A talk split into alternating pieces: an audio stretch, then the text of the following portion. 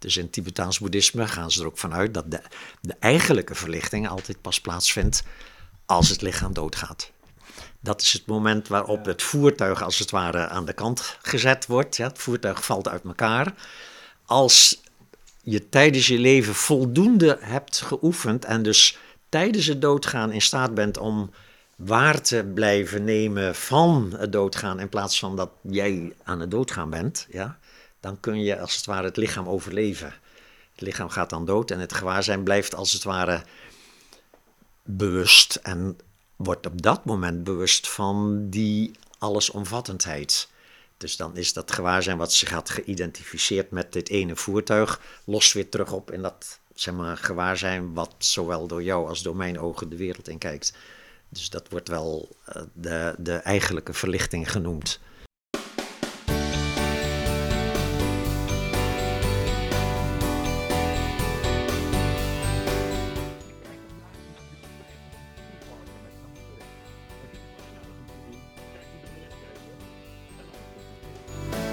Podcast of Hope, moving towards happiness.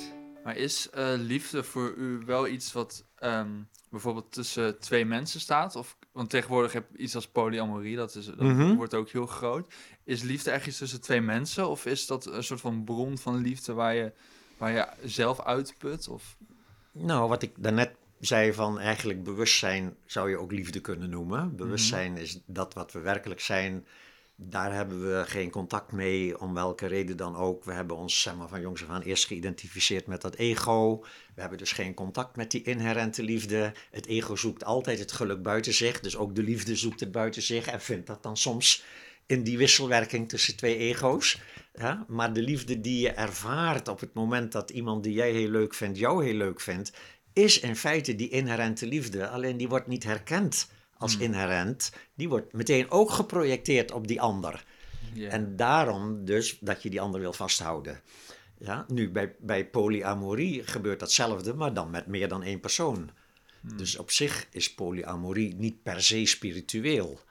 Het kan ook, eh, het kan ook heel, een, hele, zeg maar, een hele slimme manier zijn van het ego om zijn afhankelijkheid te spreiden over meer mensen. Dus ik vind jou heel erg leuk, maar ik vind jou ook heel erg leuk.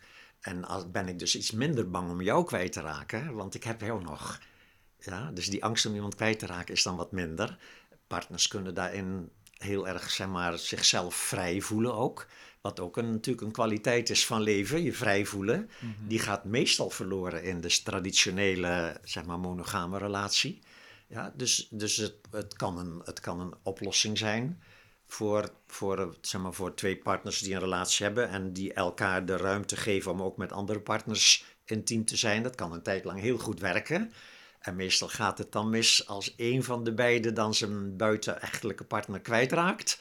De ander heeft er nog wel één. Die ene heeft dus weer alleen maar jou. En de ander heeft nog jou en jou. Ja, Ja, ja, en. Dan, eh, en dan is de afhankelijkheid niet meer hetzelfde. En dan gaat het vaak schuren. Ja. Ik had nog, een, oh, ik had nog Ja? een andere vraag Ja. eigenlijk. Heb je spiritualiteit nodig om in een goede relatie tot je ego te staan? Nou, je zou kunnen zeggen, spiritualiteit is gewoon die, die kennis en die methode om te ontdekken dat je je ego niet bent. Ja. En je kunt alleen maar een, een relatie hebben met je ego als je al een begin van een besef hebt dat je dus niet je ego bent, Ja, maar dat je ego de rol is die je speelt in de wereld. En natuurlijk in het begin is het heel vaak nog theorie en dan zie je dus eigenlijk dat het jouw ego is die jouw ego afwijst. Hm. Jouw ego heeft aangeleerd diezelfde soort veroordelende strengheid die we als kind ook van onze ouders en opvoeders hebben gehad. Ook lieve ouders, eh, hè, dus even niet discrimineren over van eh, je hebt goede ouders en slechte ouders. Nee, alle ouders kunnen niet voorkomen dat ze hun kind zo'n beetje elke dag honderd voorwaarden moeten opleggen waar het aan moet voldoen. Zoals je moet in je potje plassen en niet ernaast. En je moet je schoenen niet zo aandoen, maar zo. Dat soort dingen. Dat gaat de hele dag zo door. Vanaf zeg maar 1, anderhalf jaar oud krijgt een kind dagelijks dat soort voorwaarden. En als het daar niet aan voldoet, dan zullen ouders in toenemende mate not amused zijn. En tot en met heel geïrriteerd. En dus hebben we in onze jeugd constant, hebben we als het ware ons moeten schikken naar een, een gigantische hoeveelheid regels.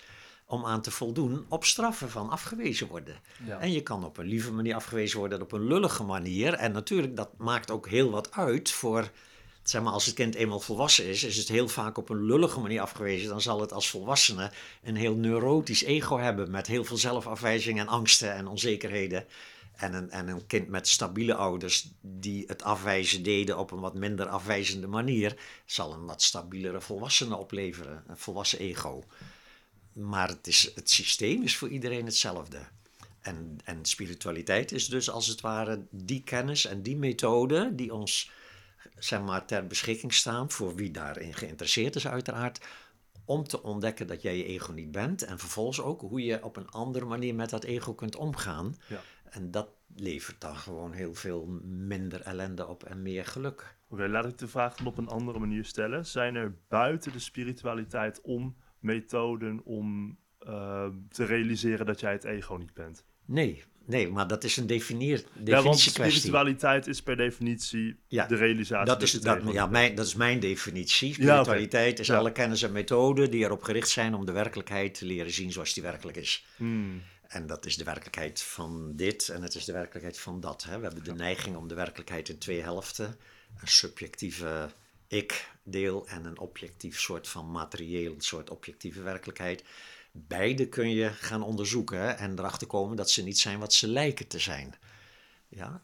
Maar we hebben het nu voornamelijk over dat onderzoek naar, naar het ik-deel. Ja. En dat dat dus niet is wat je, wat je denkt dat het is. Dat, en dat daar, een, dat daar een soort wereld aan ruimheid en vriendelijkheid te ontdekken valt. Vriendelijkheid eigenlijk gewoon voor dat ego. Want het ego, nogmaals, vaak, het heeft een nare klank, het woord omdat het ook in veel tradities wordt afgeschilderd als de oorzaak van alle ellende.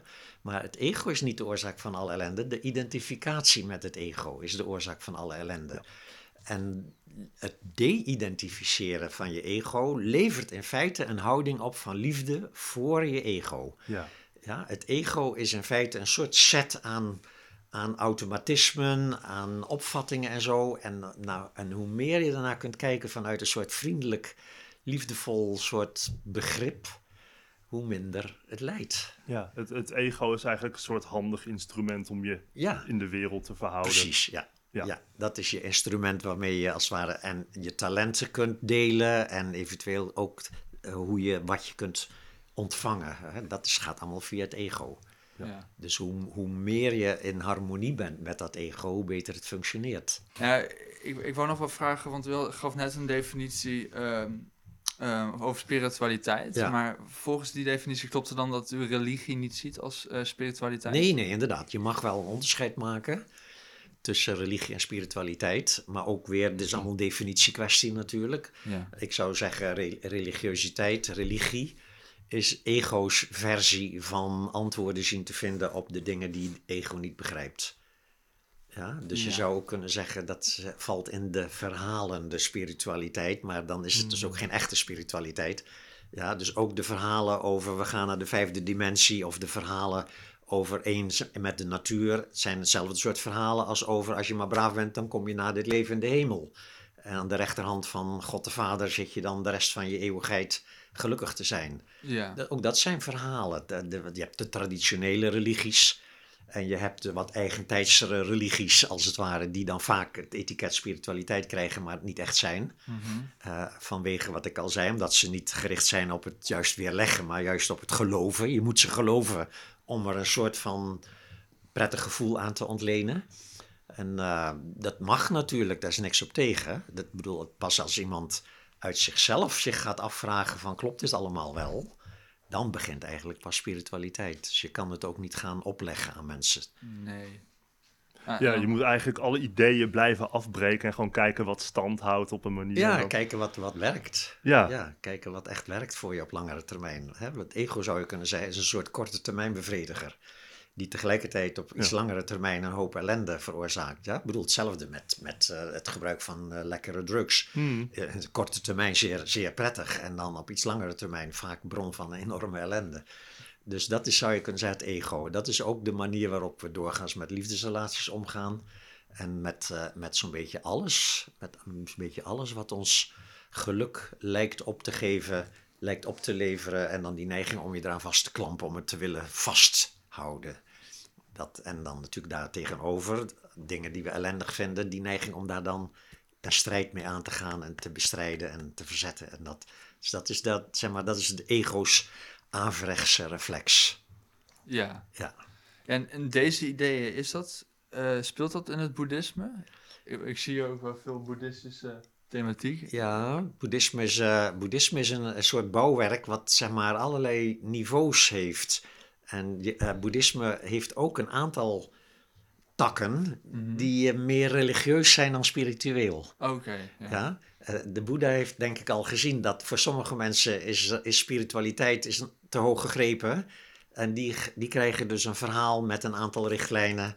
Net als in het christendom ook de tien geboden. Zo heb je in het boeddhisme heb je de vijf geboden. Ook iets van niet stelen en niet liegen en geen rottigheid uithalen. Dat soort dingen. Eh, de regels die soort van, zolang je, zolang je als het ware niet van binnenuit contact hebt met dat wat alleen maar liefdevol kan zijn, heb je baat bij een aantal morele regels. Eh, als je je eraan houdt, dan beperk je enigszins de ellende. Ja. Eh, dus dat is het religieuze deel. En Tibetaans boeddhisme is ook nog historisch gezien een vermenging van boeddhisme met een hele oude spiritistische religie. Met Ja. geesten en demonen. In Tibet eh, hing alles aan elkaar van geesten en demonen. En het boeddhisme, dat is weer een van de leuke kenmerken van het boeddhisme. Als het zich vestigt in een land, zal het niet het heersende geloof bestrijden, maar zich aanpassen. Ja, Ja, dus daarom zie je dat boeddhisme in Japan is heel anders dan boeddhisme in Tibet ja bijvoorbeeld. dat klopt, ja. Ja, want eh, de Dalai Lama zegt zelfs van je moet je eigen geloof niet overboord gooien. Als je daar plezier aan hebt, blijf je eigen geloof beoefenen. En doe daarbij dan eventueel wat boeddhistische methoden Ja. om, op een, om een andere manier te leren kijken. Dat hoor je de paus nog niet zeggen. Van, van als jullie wat boeddhisme erbij wil doen, dan moet dat kunnen. Of Ik heb het nog niet van hem gehoord. Nee, nee. hè? nee, dus daar zit dus precies het verschil tussen spiritualiteit en religie. Ja, want daar heb je binnen het christendom al verschillende stromingen die Ja, elkaar ja, haten. ja, nee. En dat Ja, is dus heel erg identiteit. Ja, want je identificeert je dan met jouw zeg maar, verhaal over de werkelijkheid. Hoe de werkelijkheid dan ten diepste in elkaar zit. Daar heb je dan een verhaal over. En dat, daar zit vaak een God in ook natuurlijk. Die dan eh, de basis over alles. En, afijn, en dan jouw verhaal is fout. En mijn verhaal is goed. En elkaar de kop slaan over het feit dat je verschillende verhalen hebt en zo. Dat is dus zeg maar het domein van de religie.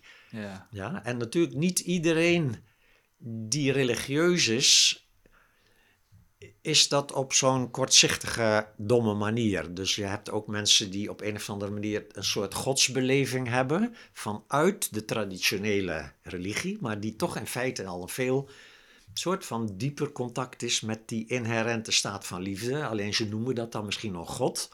En ze komen daar misschien mee in contact met bidden. Maar het lijkt al heel erg op de meditatiemethode uit, uit het boeddhisme, uit het spirituele Ja. boeddhisme. Dus de, je kan niet echt de hokjes meteen heel scherp van elkaar afscheiden. En niks negatiefs over mensen die echt een hele pure zeg maar, godsbeleving hebben binnen het christendom of binnen de islam. Maar je kan wel stellen dat zeg maar, het, het grote geheel van zowel islam als christendom is een, is een kwestie van identiteit.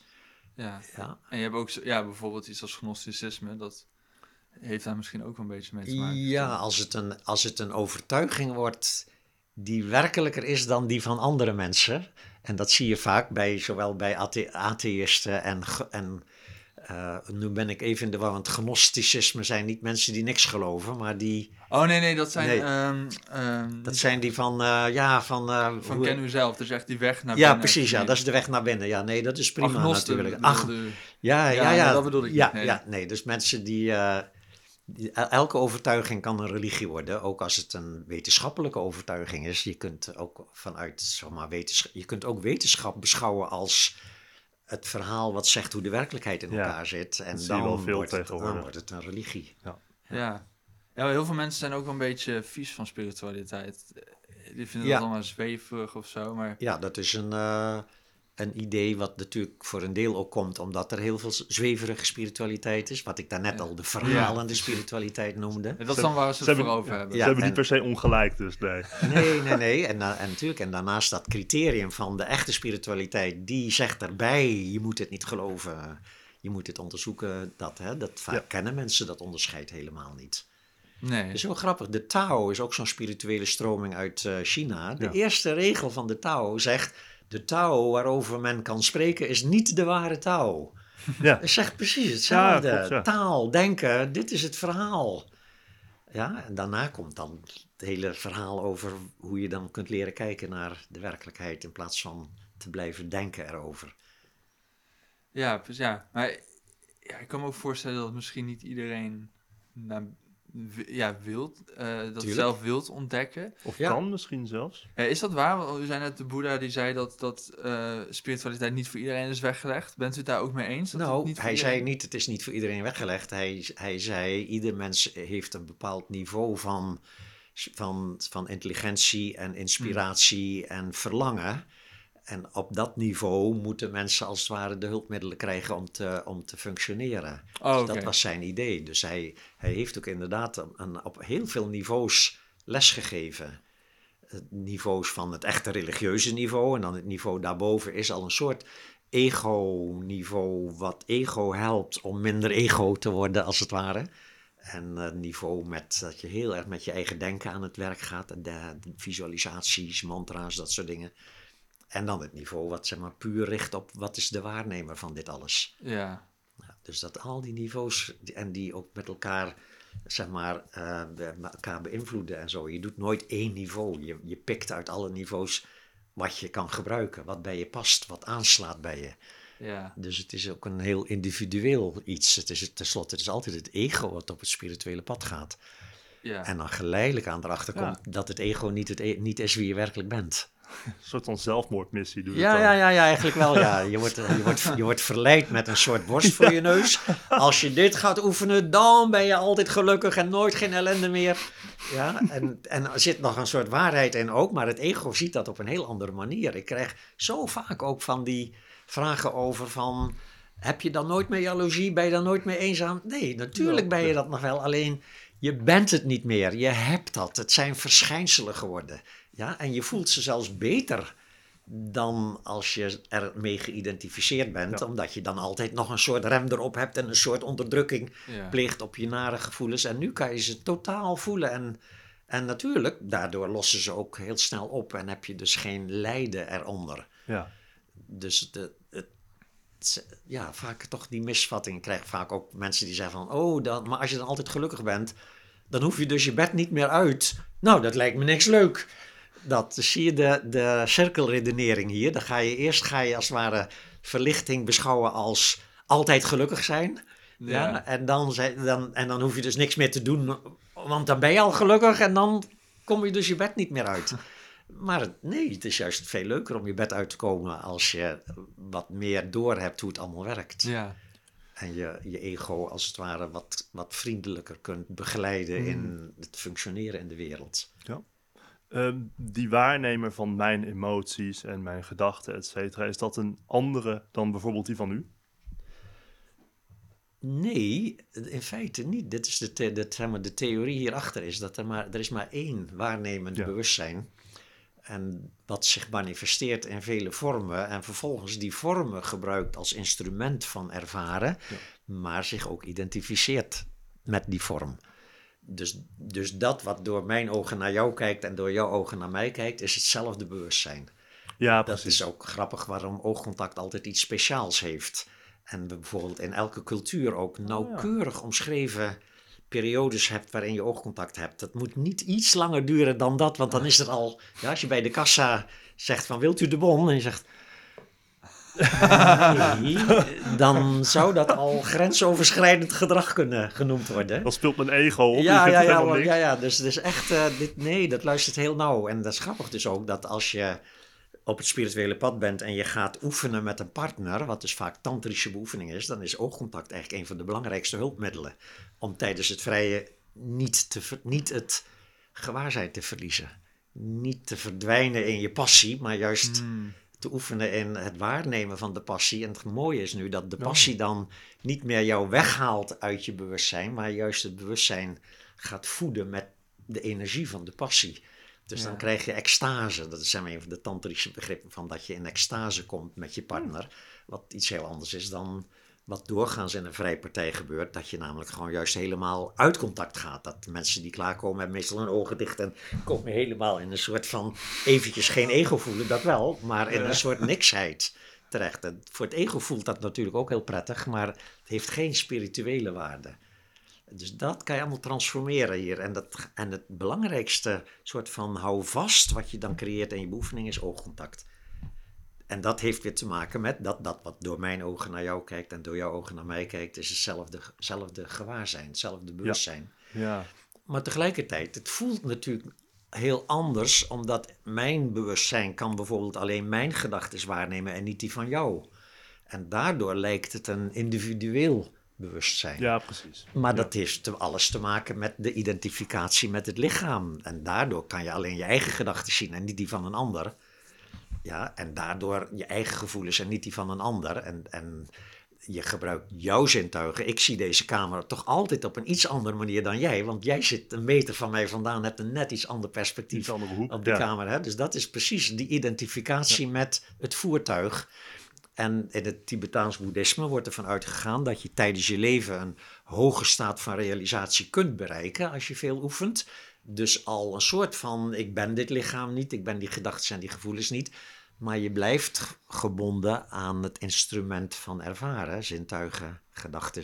Daar blijf je dus wel aan vastzitten totdat je doodgaat, totdat het lichaam doodgaat. Dus in Tibetaans boeddhisme gaan ze er ook vanuit dat de, de eigenlijke verlichting altijd pas plaatsvindt als het lichaam doodgaat. Dat is het moment waarop Ja. het voertuig als het ware aan de kant gezet wordt. Ja, het voertuig valt uit elkaar. Als je tijdens je leven voldoende hebt geoefend en dus tijdens het doodgaan in staat bent om waar te blijven nemen van het doodgaan in plaats van dat jij aan het doodgaan bent, ja, dan kun je als het ware het lichaam overleven. Het lichaam gaat dan dood en het gewaarzijn blijft als het ware bewust en wordt op dat moment bewust van die allesomvattendheid.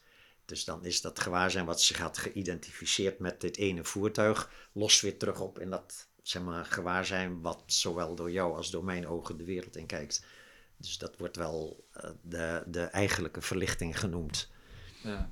Maar dat- dat is ook wel een, be- een beetje verhalend, toch? Dat is een verhaal. Ja, ik kan dat niet controleren. Dat Nee. wil zeggen nog niet. Eh, Ik ben heel benieuwd. We kunnen het controleren. Er komt een moment waarop je het kan controleren, maar tot die tijd. Er zijn leuke verhalen natuurlijk bekend over bijna doodervaringen. Je Ja. kent vast wel het verhaal van Pim van Lommel en zijn onderzoek daarnaar. Een paar Zeker. weken En dat is- ook in de podcast. Ja, ja, dus eh, echt eh, een bijzondere man en een mooi. Hij vindt ook dat hij een mooie rol vervult in het verbinden van wetenschap met spiritualiteit hier. Ja, want dat is nog altijd een beetje een moeilijk terrein. Met name voor de wetenschappers uiteraard, want die eh, willen daar nog niet aan. Maar dat komt dan wel. Ik bedoel, ook in de kwantumfysica gebeuren er prachtige dingen Ja. die, die ook wetenschappers eh, zeg maar niet onberoerd Ja. laten eh, op dit gebied. Hè?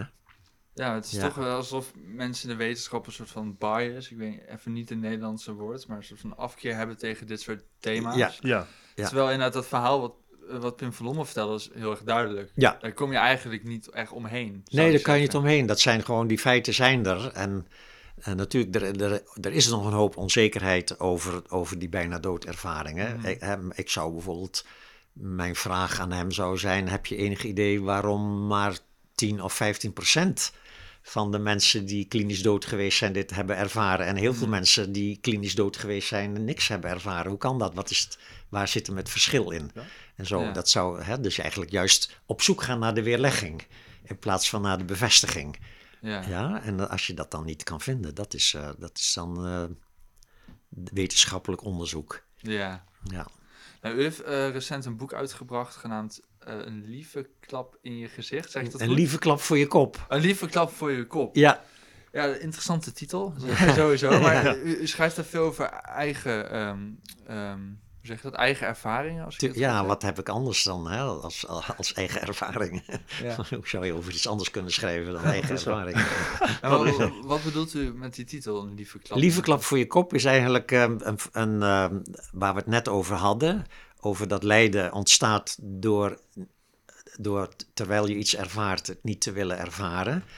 Dus dat lijden zich eigenlijk niet afspeelt in een soort objectieve wereld, maar in de manier van kijken naar de wereld. Is de manier van kijken die het lijden creëert, niet dat waarnaar gekeken wordt. Ja. Dus het lijden is een symptoom van, van onjuist waarnemen, zou je kunnen zeggen.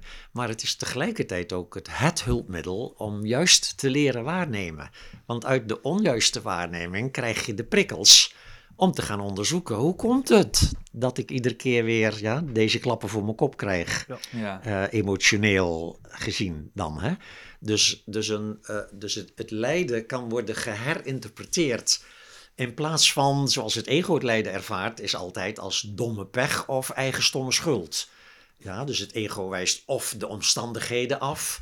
Wat kloten dat die stomme Poetin hier, ja, enzovoorts. Waar Ja. ik overigens ook helemaal mee eens ben. En dan, ja, of het wijst zichzelf af van het is mijn eigen stomme schuld dat ik weer een relatie verknald heb of wat dan ook. Dus altijd domme pech of eigen stomme schuld. En beide zijn dus een reden om in verzet te blijven ertegen. Ja. Dus een herinterpretatie van het lijden is als je het gaat zien als een lieve klap voor je kop. Ja, een lieve klap voor je kop. En dat verwijst ook een beetje naar een ervaring die ik zelf heb gehad met mijn Tibetaanse leraar. Ik heb een jaar of vijftien, zeg maar, elke zomer eh retraites gedaan bij een Tibetaanse leraar. En eh, die had er ook wat niet ort- onorthodoxe methoden, hield hij er wel op na. Zoals? En, eh, nou ja, zoals bijvoorbeeld dat, dat in mijn geval dan, hij, hij, hij lokte mij wel eens uit mijn tent en dan, en dan kwam ik in een soort boosheid terecht ook. En dan midden in die boosheid, dan, dan gaf hij me een lel voor mijn kop. Niet omdat hij boos was, maar omdat hij Ja, soort ja. van, hij deed echt soort van, Ja. dat hè, dus, dat van kijk, kijk, dus midden in, midden in zo'n, dan zit je in je verhaal en zo. En ik had echt, dus ik, ik had zo gelijk ook. Ik, en een van de dingen waar ik vreselijk tegenaan liep bij hem, was al die Tibetaanse cultuur eromheen. Met, met offerandertjes voor boze geesten, om boze geesten te vriend te houden. Come on, weet je wel. We leven nu binnen de middeleeuwen, maar hij geloofde daarin. Maar hij was ook een hele heldere dzogchen-leraar. Ja, Ja. dus, Ja. dus die combinatie leverde bij mij behoorlijk wat verzet op. Dus op een dag eh, had hij mij dan eindelijk de gelegenheid gegeven om uit te leggen waarom ik daar zo'n verzet tegen had. En ik, terwijl ik het uitlegde, zat hij met de jennen. Liet me niet uitpraten. Ik werd steeds kwaaier, steeds kwaaier. Verdomme, doe dat, weet je wel. En midden in die boosheid gaf hij een lel voor mijn kop en zei hij... Dat, en dan, dat is echt zo'n moment dat je dan het, het- van het ene moment op het andere als het ware in je ego en ineens dat ineens er helemaal Ja. uit bent even. Zo wordt geknepen in een droom of zo. Ja, zoiets ja. ja. Ja, even wakker worden in de droom. Dat is Ja. heel indrukwekkend. Dus, eh, en toen zei hij ook, I love you so much. Terwijl, dus het was ook echt geen, het was niet uit drift of zo. Hij was helemaal niet boos. Ja, dus- Hij, het was zijn, dat was zijn, ja, hij had dat lef om met studenten die dan wat langer bij hem waren. Hij is ook wel eens ontspoord dat gebied hoor. Hij heeft ook wel mensen behandeld die, echt- die daar niet toe in staat waren om dat op die manier te interpreteren. Ja, want dan moet je natuurlijk ook wel weten. dus Ja. daar is wel eens wat misgegaan ook bij hem, ja. Maar een lieve klap voor je gezicht. Maar goed, de is lieve klap voor je kop is dus eigenlijk van... Een ga- letterlijke ja, klap voor je kop. Ja, dat was een letterlijke, maar ook uit liefde Ja. gegeven om mij even wakker te schudden. Om te zien van wie. Kijk even, kijk even naar je eigen boosheid. Kijk even naar dat je gelijk willen hebben. Hè? Ja. Hij zei ook van jij gebruikt logica en redeneren hier niet om de waarheid te vinden, maar om je gelijk te halen. En daar had hij zo gelijk in. Ja, dat is een goede Dat was echt keihard, was dat. Ja, dat Ja. kwam echt binnen. Ja, aflevering 2 zit er onderhand ook al op. Maar we Ja. vragen onze gasten altijd naar een eh, voorwerp waar ze gelukkig van worden of waar ze inspiratie uithalen. Ja, dit keer hoeven ze niet mee te En nemen. dit keer hoef je, hoeft Dit keer, inderdaad nee, niet mee want staat hier wel, ja, een voorwerp is natuurlijk mijn, eh, mijn, mijn piano hier. Is een eh, piano staat dan symbool voor muziek in mijn leven. Ja, ik ben echt al als kind al met muziek begonnen en dat is, is altijd een soort rode draad in mijn leven geweest.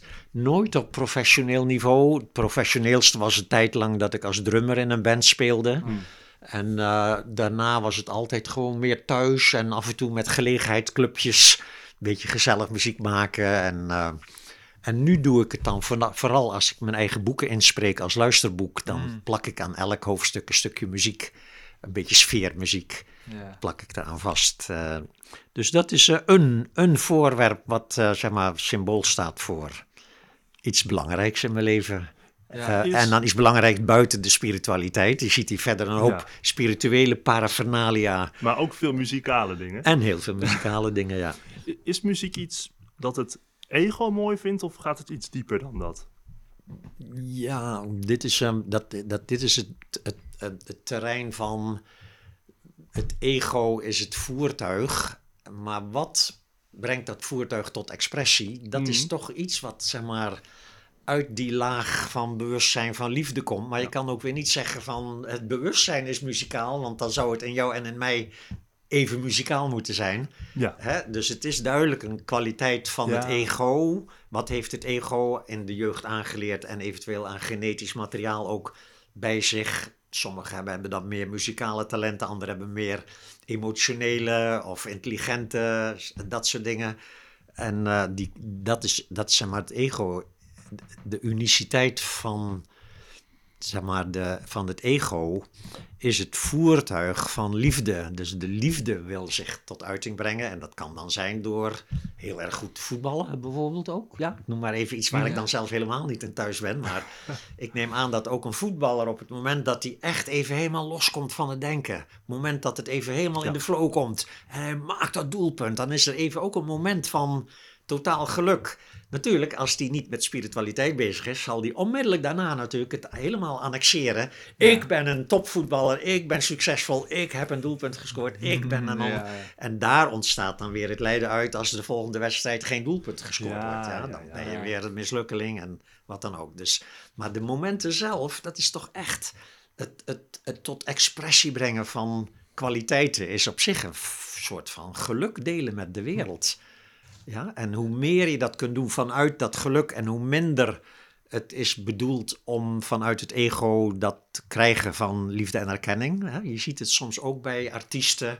Bijvoorbeeld een voorstelling van een cabaretier. Soms zie je een cabaretier die de hele tijd alleen maar bezig is met grappig te willen zijn. En dat kan heel irritant zijn, want dat, soms zit er een goede grap tussen, maar soms zijn ze gewoon gênant, tenen krommend. soort van, jeetje, wat zit hij zijn best te doen om grappig te zijn. En je hebt de wat, zeg maar, grotere talenten, die gewoon helemaal in de flow komen. En, totaal niet meer bezig zijn met grappig te zijn. Ja.